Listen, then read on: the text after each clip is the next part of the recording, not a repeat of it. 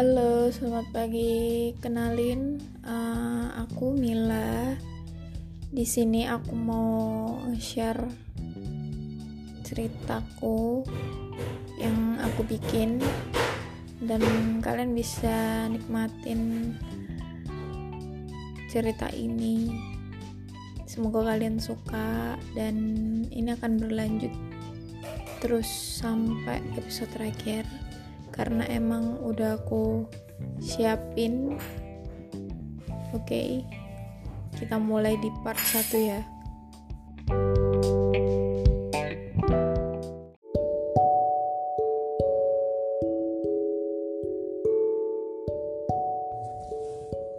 Oke, okay, kita mulai dari part 1. Uh, eh, judul cerita ini adalah Hilopopia atau fobia hutan. Oke, okay, yang pertama kita mulai. Moms, kita mau ke mana? Tanganku terayun di antara jemari kedua orang tuaku. Aku tidak tahu mereka akan membawaku ke mana. Karena saat itu aku hanya seorang anak kecil yang tidak tahu apa-apa. Aku melepas tangan kedua orang tuaku dan menutup mataku takut. Takut saat mobil Dad memasuki hutan Keadaan begitu gelap. Aku tidak bisa melihat keluar jendela karena hanya penerangan mobil saja yang menerangi jalan. Tiba-tiba mobilnya terhenti. Namun aku tidak mau membuka mata. Aku tidak bisa merasakan keberadaan kedua orang tuaku. Perlahan namun pasti aku buka kedua kelopak mataku dan tidak menemukan siapa pun. Rasa takutku semakin melebur saat itu. Air mataku jatuh, aku meringkuk di antara kedua orang tuaku. Yang entah sejak kapan sudah terkapar di tanah. Moms, bangun. Elina takut. Kugoyangkan lengan mommy, namun tak ada respon sedikit pun. Suara gemericik mengalihkanku. Hujan turun begitu deras sampai badan kecilku menggigil kedinginan. Moms, Dad, Elina takut. Darah yang tadinya mengenang terbawa oleh air hujan yang begitu deras. Aku tidak bisa. Aku tidak tahu kenapa orang tua aku tidak bangun sampai detik ini. Terakhir, yang aku ingat hanyalah senyuman mom dan dad saat kami bersama di taman bermain sebelum masuk hutan. Rasanya lidahku keluh mengatakan kata hutan. Dengan sekuat tenaga, aku melupakan kejadian itu. Tapi tetap saja tidak bisa, tidak akan bisa. Saat usiaku menginjak enam tahun, waktu yang sangat berharga bagiku karena saat itu aku masih bersama mereka. El, wake up! Suara wanita parubaya menginterupsi Elina. Gadis itu membuka kedua matanya. Seketika semua lenyap seketika. Mimpi yang terus datang selama 20 tahun. Elina masih saja bermimpi buruk akan kenangan itu. Mungkin neneknya itu sudah sangat bosan mendengarnya mimpi yang selalu Elina katakan setelah bangun tidur. Akan tetapi, karena terlalu sering bermimpi, Elina semakin terbiasa. Imo, lima menit lagi ya. Wanita itu hanya tersenyum lembut mendengar sahutan dari Elina, cucu kesayangannya. Lima menit, El, jangan berlebih, atau kamu akan terlambat bekerja. Elina mengacungkan tangannya, Lima menit berlalu, Elina terbangun dari kamarnya dan beranjak membersihkan diri sebelum berangkat bekerja. Imo, Elina pulang terlambat. Tolong Imo kunci pintu pintunya ya sebelum jam 9. Elina mencium kedua pipi neneknya dan berlalu pergi. Sengaja tidak membawa mobil memang. Elina lebih suka naik sepeda untuk berangkat ke kantor. Angin segar menerpa wajahnya. Senyumnya melebar saat dia melewati toko roti ros. Bau harum menyeruak ke dalam hidungnya. Semua orang nampak sibuk dengan aktivitasnya seperti membuka toko atau berangkat ke kantor, seperti yang sedang dilakukannya sekarang. Sesampainya di kantor, Elina memarkirkan sepedanya di samping pagar kemudian menguncinya. Selamat pagi, Nona. Elina tertunduk. Rasanya malu seperti biasa. Setiap ada seseorang yang menyapanya, Elina akan tertunduk. Para pegawai hanya tersenyum lembut. Mereka tahu jika Elina tidak bermaksud jelek atau menundukkan kepalanya saat menundukkan kepalanya. Seperti itulah Elina, malu tanpa alasan. Kertas sudah menumpuk di atas mejanya, dan dia harus menyelesaikan pekerjaannya di sini. Lama dia berkutat dengan kertas-kertas itu sampai lupa jika sudah memasuki waktu asar. Alarm, alarm jamnya berbunyi. Elina menaruh pulpennya dan mematikan laptopnya. Sebelum sholat, Elina sempatkan untuk menghabiskan bekalnya, bekal yang sengaja dibuat nenek untuknya. Bukan tipe seorang yang suka jajan memang. Elina lebih menyimpan uangnya untuk keperluan yang lebih penting, meskipun hanya dibelikan makan siang. Kutarik waktu agar bersamaku. Ku janjikan mimpi di genggamanku. Doa selalu kupanjatkan untuk seorang tuaku. Dalam sholat dan waktu senggangku. Elina. Selesai sholat, Elina kembali melanjutkan pekerjaannya. Hanya waktu yang bisa membalikan fakta Hingga saat ini, Elina sangat ingin mengetahui siapa membunuh kedua orang tuanya itu. Usahanya tidak hanya sampai di sini, bahkan Elina sudah menyewa seseorang untuk mendapatkan banyak informasi seperti bukti yang sudah ia kumpulkan sampai saat ini. Sudah 13 tahun dan Elina tidak bisa melupakan kejadian, kejadian mengerikan itu. Dadanya seakan sesak setiap kali ingat jika orang tuanya meninggal dalam keadaan dibunuh Elina yakin akan ada saatnya kebenaran akan terungkap. Hari ini sangat melelahkan, bahkan Elina mengayuh sepedanya perlahan. Kakinya terasa pegar rasanya. Sepertinya ide bagus jika dia mampir ke toko kue ros. Elina memarkirkan sepedanya di depan toko. Suara lonceng berbunyi saat dia masuk ke dalam. Aroma kue begitu tercium masuk ke dalam hidungnya.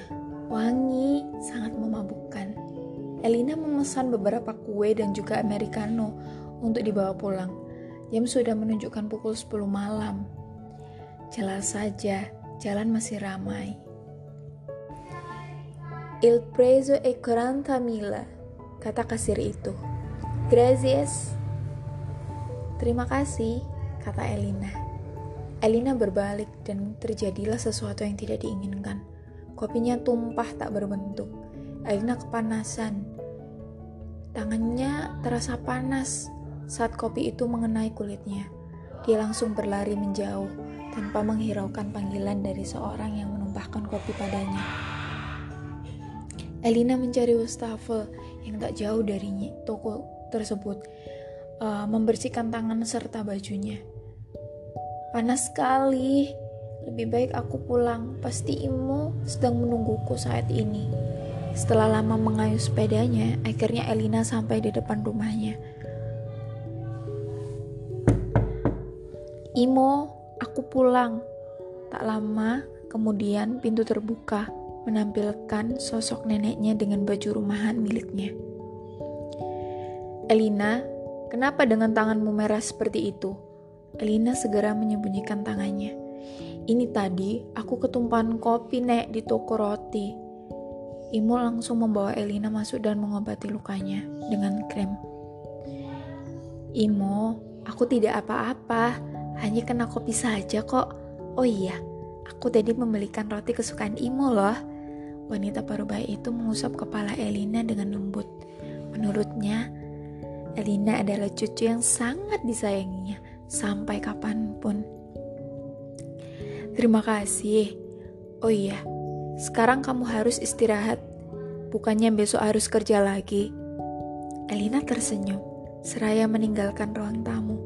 Sebenarnya tangannya masih pedih, tapi Elina mencoba memakluminya. Apa yang sudah terjadi lagi pula, orang itu pasti tidak sengaja melakukannya. Ada panggilan masuk dari ponselnya. Elina mengambil ponselnya di nakas dan mengangkatnya tanpa melihat siapa yang menelpon malam-malam begini. Elina, Sontak saja dia langsung menjauhkan ponsel dari telinganya. Mariana, jangan teriak-teriak, ini sudah malam, jelas Elina dengan nada mengantuk. El, aku akan pergi ke New York. Besok pokoknya aku harus dat kamu harus datang ke rumahku. Aku hanya menghela nafas. Hmm, jadi hanya karena itu, menelponku malam-malam sambil teriak seperti itu. Mariana tertawa pelan. Come on El, harusnya kau senang aku pergi karena tidak mengganggumu lagi untuk beberapa hari. Tidak ada suara cempreng atau tangisan yang membuatmu pusing. Elina mengubah posisinya menjadi duduk. Jadi, kau menerima ajakan Dev untuk menikah? Tanya Elina. Hmm, iya, aku menerimanya. Elina hanya bisa Elina hanya tidak bis, habis pikir kenapa sahabatnya itu cepat sekali melupakan masalah yang baru saja terjadi padanya. Ana, kenapa hatimu sangat baik? Padahal kau sudah kau tahu sendiri bagaimana Dev padamu. Ungkap Elina dengan sahabatnya. Aku tahu, begini El. Hmm, Aku hanya ingin bertahan untuk sebentar saja di sisinya. Jika aku sudah tidak kuat, aku akan segera memberitahumu. Aku pastikan itu. Kau tenang saja. Jika dalam dua bulan aku tidak sanggup, maka aku akan aku hanya ingin Dev mendapatkan sosok wanita yang baik padanya dan juga mencintainya dengan sepenuh hati. Elina menghela nafas. Di seberang dengan Mariana bisa tahu itu. Baiklah, berusahalah. Usaha tidak akan mengkhianati hasil kan? Tapi coba pikirkan lagi. Ini sebuah pernikahan. Hal yang sangat sakral. Bukan untuk main-main, Ana. Aku tidak ingin kamu sakit hati memilih pasangan nantinya. Ucap Elina dengan tulus. Kau memang sahabatku yang baik, El. Aku sangat sayang padamu. Akan aku pikirkan dalam waktu dua bulan ini. Akan aku mencoba mengenal Dev lebih dekat lagi. Kalau begitu terima kasih. Maaf mengganggumu malam-malam, mengganggu tidurmu lagi. Pasti kamu sangat capek hari ini.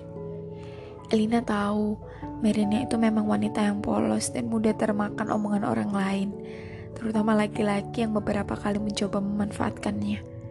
Alina menutup teleponnya dan melanjutkan tidur.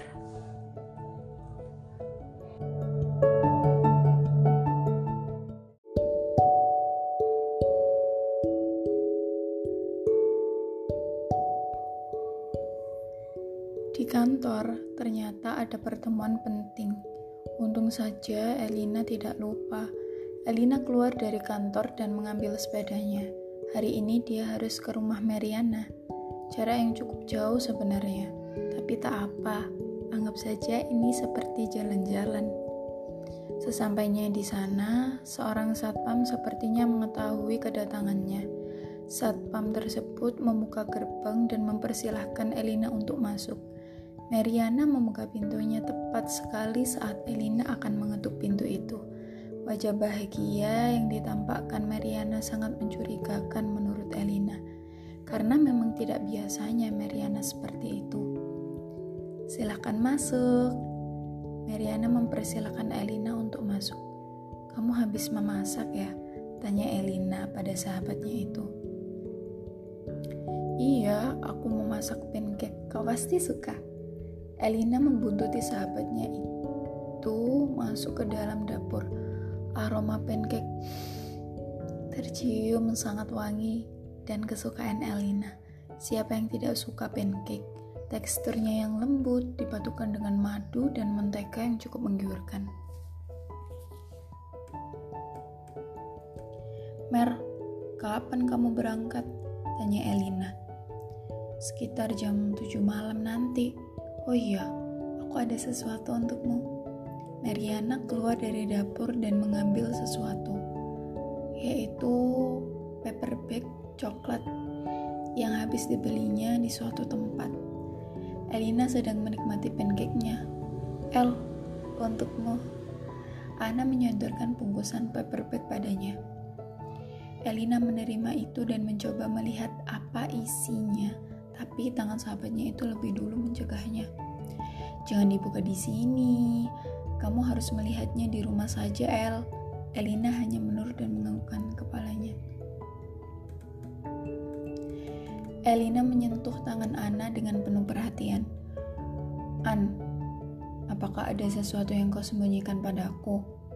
Elina membelakkan matanya kepada Elina seolah tahu apa yang dirasakannya. Aku baik-baik saja, hanya saja aku akan sulit berjuang untuk kali ini. Setidaknya Mariana jujur untuk kali ini pada Elina. Ada apa? Apakah terjadi sesuatu? Mariana menitihkan air matanya tiba-tiba. Dev, Dev, aku melihatnya membawa seorang perempuan ke dalam mobilnya tadi siang. Mereka sangat serasi sekali. Aku hanya takut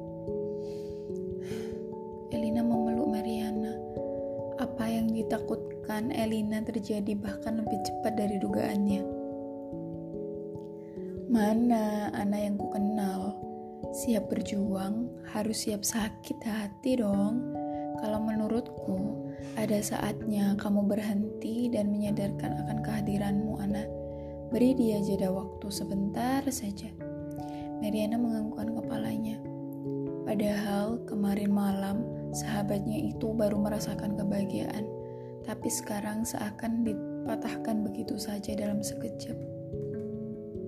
Jam menunjukkan pukul 6 dan sahabatnya itu harus segera berangkat ke bandara. Apa masih yakin untuk berangkat ke sana? Tanya Elina sedikit khawatir. Ya, aku akan baik-baik saja, El. Jawab Mariana dengan lesu. Kamu harus hati-hati Jangan lupa mengabariku ya kalau sudah sampai, kata Elina. Untuk kali ini, Elina tidak bisa membantu banyak pada Mariana. Elina hanya berharap sesampainya di sana sahabatnya itu bisa lebih tenang lagi. Elina sampai rumah dengan selamat. Sebenarnya ada rasa khawatir pada Ana Elina seolah pusing jika sudah berhubungan dengan cinta. Oleh sebab itu, tidak ada seorang pun yang mendekatinya sampai sekarang. El, baru pulang? Tanya Imo pada Elina. Elina nyengir di depan Elin. Imo. Imo. Tadi aku dari rumah Anan, jadi pulang telat deh. Maafkan aku. Neneknya selalu saja menunggunya pulang. Elina jadi merasa bersalah. Baiklah, tapi sekarang bersihkan dirimu. Setelah itu kita makan bersama. Selesai makan, Elina mencuci piringnya. Setelah itu, Elina pergi ke kamar untuk beristirahat karena besok masih ada aktivitas lainnya. Ting, pesan masuk di ponsel Elina. Kemudian, Elina mengambil ponsel yang tak jauh dari tempatnya duduk bersandar. Baik-baik saja? Kemarin kata pegawaiku kamu ketumpahan kopi. Aku sangat minta maaf. Alina bingung setelah membaca pesan dari Rosalin. Kenapa dia harus minta maaf?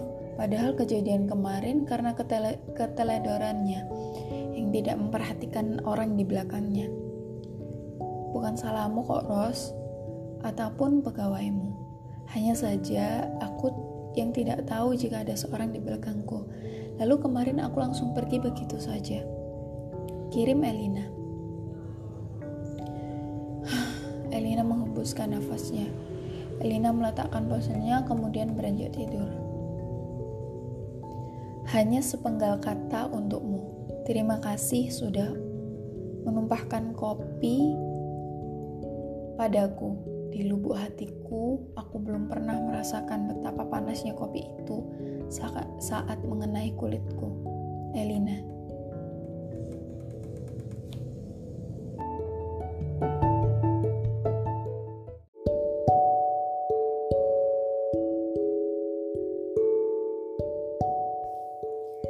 Hai, selamat pagi.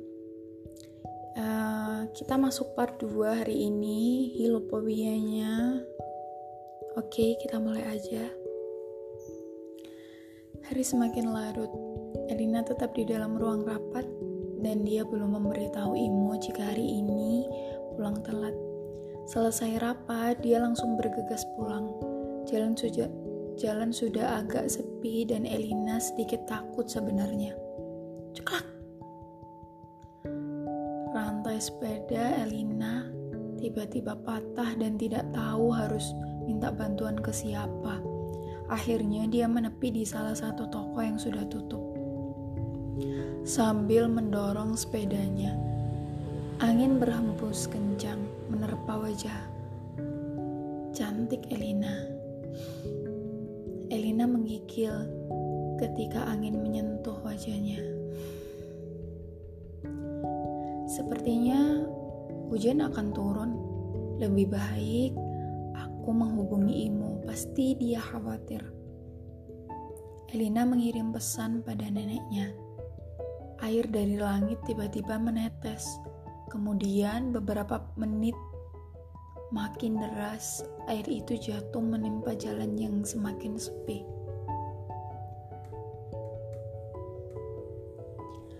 Hanya ada satu keinginan saat hujan turun. Seketika, doaku panjatkan kepadanya. Tolong permudahlah aku mencari bukti atas semua kematian orang tuaku. Amin. Elina.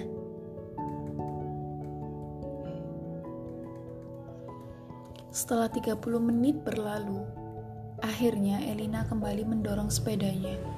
Dari arah belakang, ada sebuah mobil yang berlalu kencang sampai dia tahu jika ada genangan air. Splash! Elina terkena cipratan air dan bajunya basah. Masya Allah. Ya, berhenti. Mobil itu tetap melaju tanpa mendengarkan teriakan dari Elina. Mungkin saja hari ini hari sial bagi Elina. Elina menghentak-hentakkan kakinya di jalan. Awas saja, kalau aku bertemu dengannya. Ih, kesel sekali. Dingin lagi. Hmm, aku benci hari ini. Elina menghembuskan nafasnya dengan kasar sambil menggerutu sendiri. Sesampainya di rumah, dia tidur dengan nyenyak, tidak memperdulikan masalah yang baru dialaminya baru saja. Hari Minggu menurutnya adalah hari keberuntungan karena dia bisa santai sepuasnya. Elina bangun dan meminum susunya. Pasti neneknya yang menaruh susu itu di nakas meja belajarnya. Sudah menjadi kebiasaan Elina minum susu sehabis tidur. Ada panggilan masuk tiba-tiba. Elina menerima panggilan itu. Halo, jawab Elina. Maaf, Miss, kali ini orangnya belum bisa saya temukan. Karena banyak sekali orang yang terlibat. Iya, saya tunggu kabar baiknya, Sir. Baik, saya akan berusaha semaksimal mungkin. Ya, terima kasih. Elina mengakhiri panggilannya. Mungkin hari ini dia akan di kamar saja sembari melukis. Lagi-lagi itu jawaban yang diterima Elina.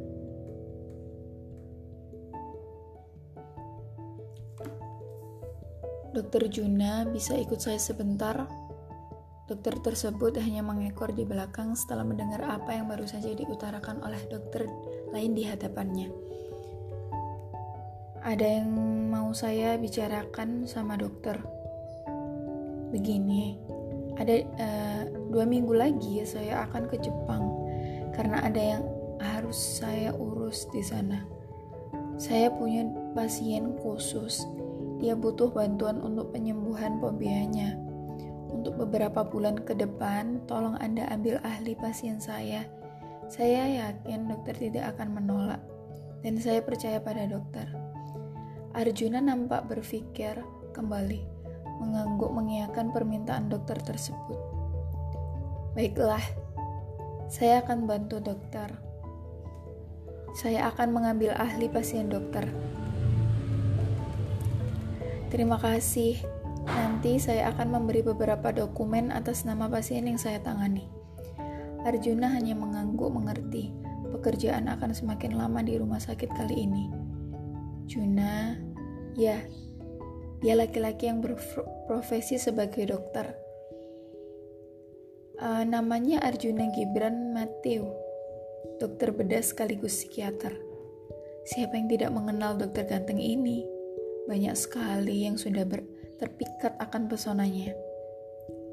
Dok, kita harus segera melakukan operasi. Pasien yang kemarin tidak sadarkan diri, kata salah satu suster. Juna langsung berlari ke dalam ruang operasi. Selesai berganti pakaian, Juna bergegas menggantikan dok posisi dokter Sayan yang baru saja membius pasien.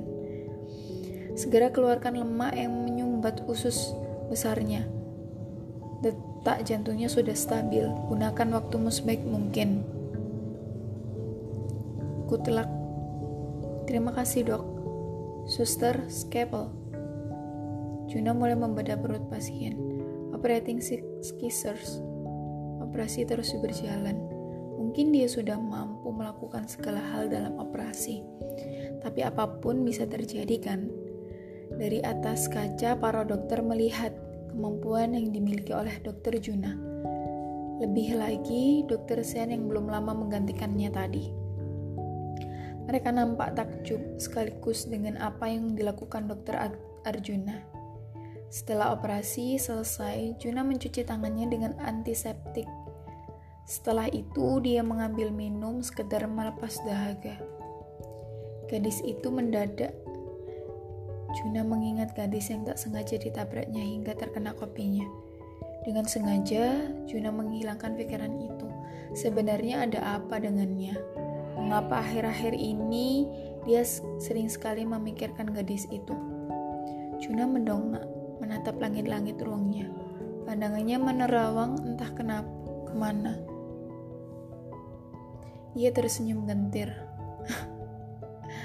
Mengingat kejadian itu, dan jika dia berpikir kembali, Juna tidak bisa membaca pikiran gadis itu dalam jarak dekat. Ada apa dengannya? Dia kembali memikirkannya, padahal tadi sudah disingkirkan pikiran itu. Ini sangat mengganggunya. Juna mengganti pakaiannya dan segera pulang ke rumah. Badannya sangat pegal, dia sekarang hanya butuh istirahat karena besok masih banyak pasien yang menunggunya. Mobil melaju kencang membelah jalan yang sudah sepi. Langit nampak mendung akan segera turun hujan sepertinya. Tin, gerbang terbuka oleh salah satu penjaga di rumahnya. Gracias, Paulo. Laki-laki paruh bayi tersebut tersenyum ramah. Rumah yang amat megah, mewah. Juna memasuki kamarnya.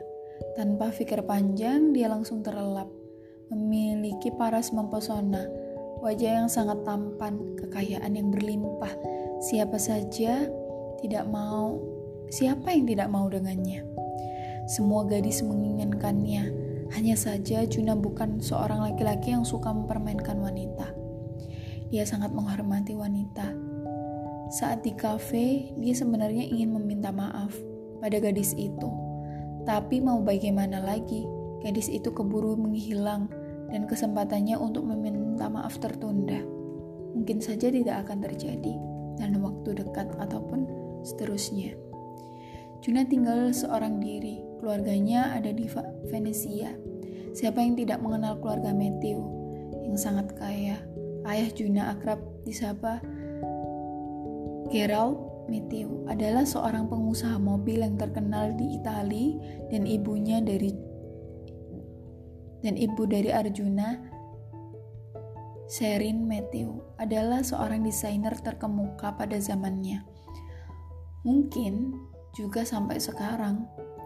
Juna memiliki satu kakak perempuan, satu adik perempuan, dan satu adik laki-laki. Bisa dikatakan penghasilan keluarga Juna mencapai triliunan dalam waktu satu bulan saja. Meskipun semua orang mengenalnya, tapi laki-laki ini tetap tidak mau mengambil uang dari ayahnya. Dia mencari uang dari penghasilannya menjadi dokter.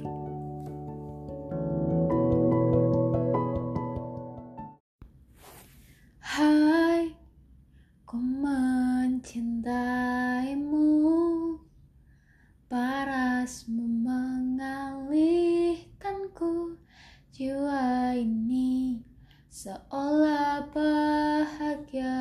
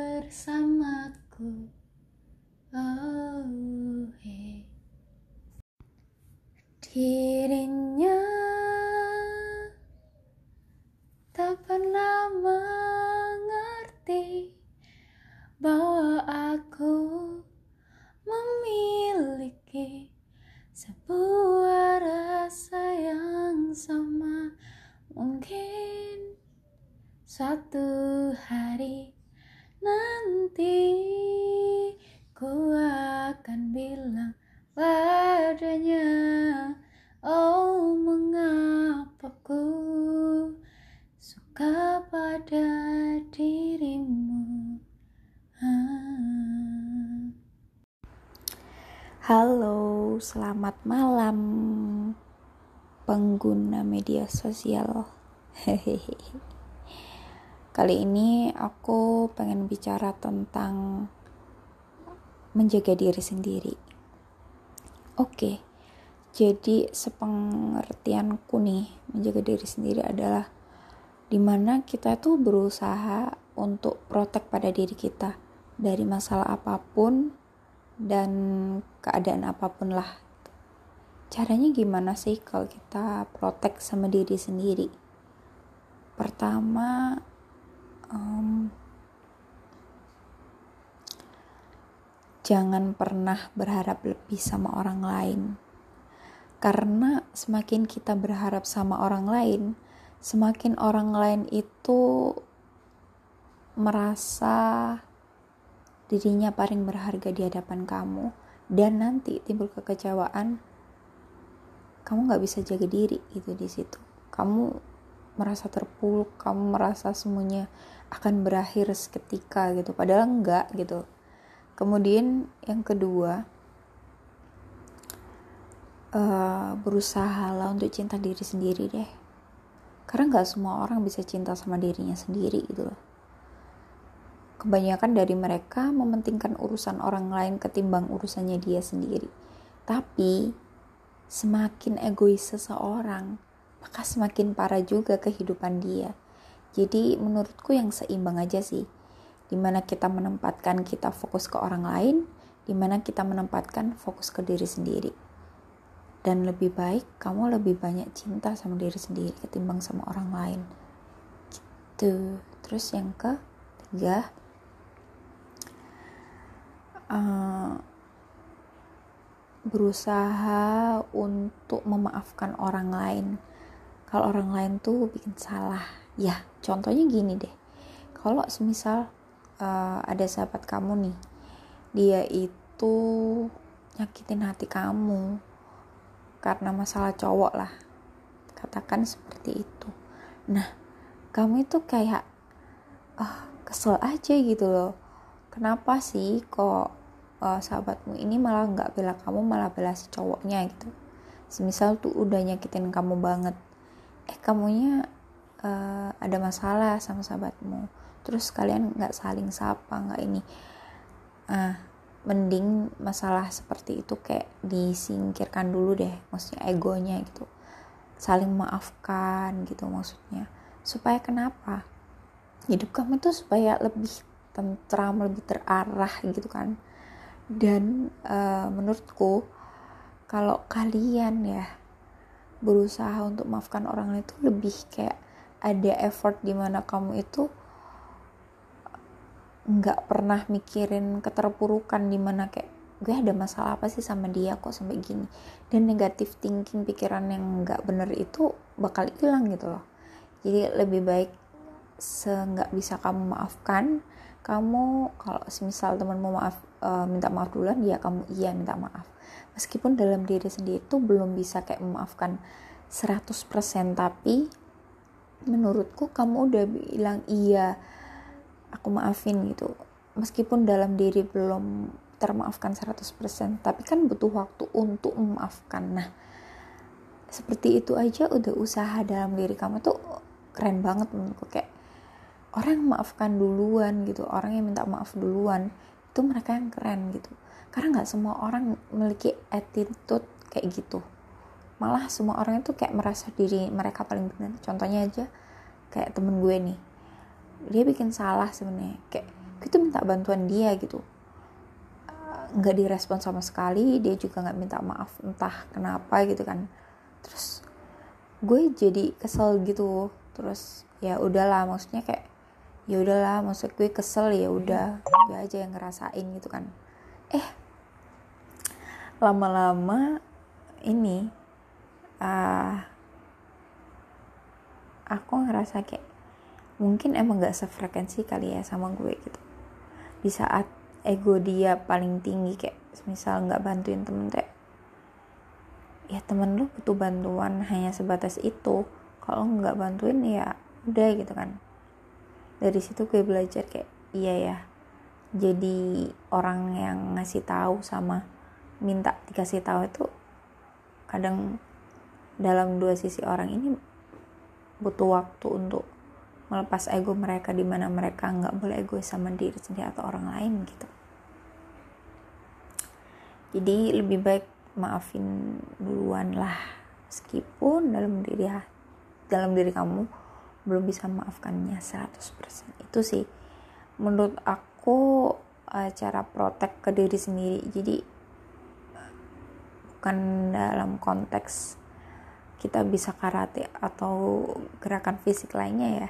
Tapi juga, itu juga penting sih untuk perempuan terutama. Tapi ini juga penting masalah kayak memaafkan orang atau uh, berusaha untuk nggak kecewa dengan keadaan apa pun yang kita alamin itu juga penting menurutku makanya cara protek ya itu tadi mungkin itu aja kali ya uh, podcast kali ini mungkin bisa lain kali kita ngobrol lebih panjang tentang hal lain yang perlu kita bicarakan Terima kasih. Selamat malam. Sampai jumpa.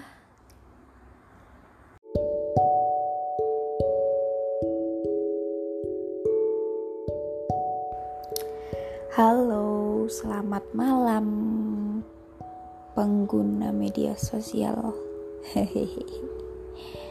Kali ini aku pengen bicara tentang menjaga diri sendiri. Oke, jadi sepengertianku nih menjaga diri sendiri adalah di mana kita tuh berusaha untuk protek pada diri kita dari masalah apa pun dan keadaan apa pun lah. Caranya gimana sih kalau kita protek sama diri sendiri?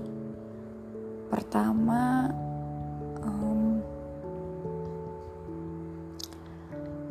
jangan pernah berharap lebih sama orang lain. Karena semakin kita berharap sama orang lain, semakin orang lain itu merasa dirinya paling berharga di hadapan kamu. Dan nanti timbul kekecewaan kamu nggak bisa jaga diri itu di situ. Kamu merasa terpuruk kamu merasa semuanya akan berakhir seketika gitu. Padahal enggak gitu. Kemudian yang kedua, uh, berusaha lah untuk cinta diri sendiri deh. Karena nggak semua orang bisa cinta sama dirinya sendiri gitu loh kebanyakan dari mereka mementingkan urusan orang lain ketimbang urusannya dia sendiri. Tapi semakin egois seseorang maka semakin parah juga kehidupan dia. Jadi menurutku yang seimbang aja sih. Di mana kita menempatkan kita fokus ke orang lain di mana kita menempatkan fokus ke diri sendiri. Dan lebih baik kamu lebih banyak cinta sama diri sendiri ketimbang sama orang lain. Gitu. Terus yang ketiga uh, berusaha untuk memaafkan orang lain. Kalau orang lain tuh bikin salah. Ya contohnya gini deh. Kalau semisal uh, ada sahabat kamu nih dia itu nyakitin hati kamu karena masalah cowok lah. Katakan seperti itu. Nah kamu itu kayak ah kesel aja gitu loh. Kenapa sih kok uh, sahabatmu ini malah nggak bela kamu malah bela si cowoknya gitu. Semisal tuh udah nyakitin kamu banget. Eh kamunya uh, ada masalah sama sahabatmu. Terus kalian nggak saling sapa nggak ini. Ah mending masalah seperti itu kayak disingkirkan dulu deh maksudnya egonya gitu. Saling maafkan gitu maksudnya. Supaya kenapa? Hidup kamu tuh supaya lebih tentram lebih terarah gitu kan dan uh, menurutku kalau kalian ya berusaha untuk maafkan orang lain itu lebih kayak ada effort di mana kamu itu nggak pernah mikirin keterpurukan di mana kayak gue ada masalah apa sih sama dia kok sampai gini? Dan negatif thinking pikiran yang nggak bener itu bakal hilang gitu loh. Jadi lebih baik seenggak bisa kamu maafkan kamu kalau semisal teman mau maaf e, minta maaf duluan ya kamu iya minta maaf. Meskipun dalam diri sendiri itu belum bisa kayak memaafkan 100% tapi menurutku kamu udah bilang iya aku maafin gitu. Meskipun dalam diri belum termaafkan 100% tapi kan butuh waktu untuk memaafkan. Nah seperti itu aja udah usaha dalam diri kamu tuh keren banget menurutku kayak orang yang maafkan duluan gitu orang yang minta maaf duluan itu mereka yang keren gitu. Karena nggak semua orang memiliki attitude kayak gitu. Malah semua orang itu kayak merasa diri mereka paling benar. Contohnya aja kayak temen gue nih.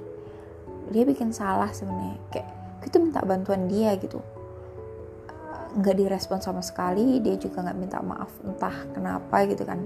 Terus gue jadi kesel gitu. Terus ya udahlah maksudnya kayak ya udahlah maksud gue kesel ya udah. Gue aja yang ngerasain gitu kan. Eh lama-lama ini uh, aku ngerasa kayak mungkin emang gak sefrekuensi kali ya sama gue gitu. Di saat ego dia paling tinggi kayak misal nggak bantuin temen tuh ya temen lu butuh bantuan hanya sebatas itu. Kalau nggak bantuin ya udah gitu kan dari situ gue belajar kayak iya ya jadi orang yang ngasih tahu sama minta dikasih tahu itu kadang dalam dua sisi orang ini butuh waktu untuk melepas ego mereka di mana mereka nggak boleh egois sama diri sendiri atau orang lain gitu. Jadi lebih baik maafin duluan lah meskipun dalam diri dalam diri kamu belum bisa maafkannya 100% itu sih menurut aku uh, cara protek ke diri sendiri. Jadi bukan dalam konteks kita bisa karate atau gerakan fisik lainnya ya. Tapi juga, itu juga penting sih untuk perempuan terutama.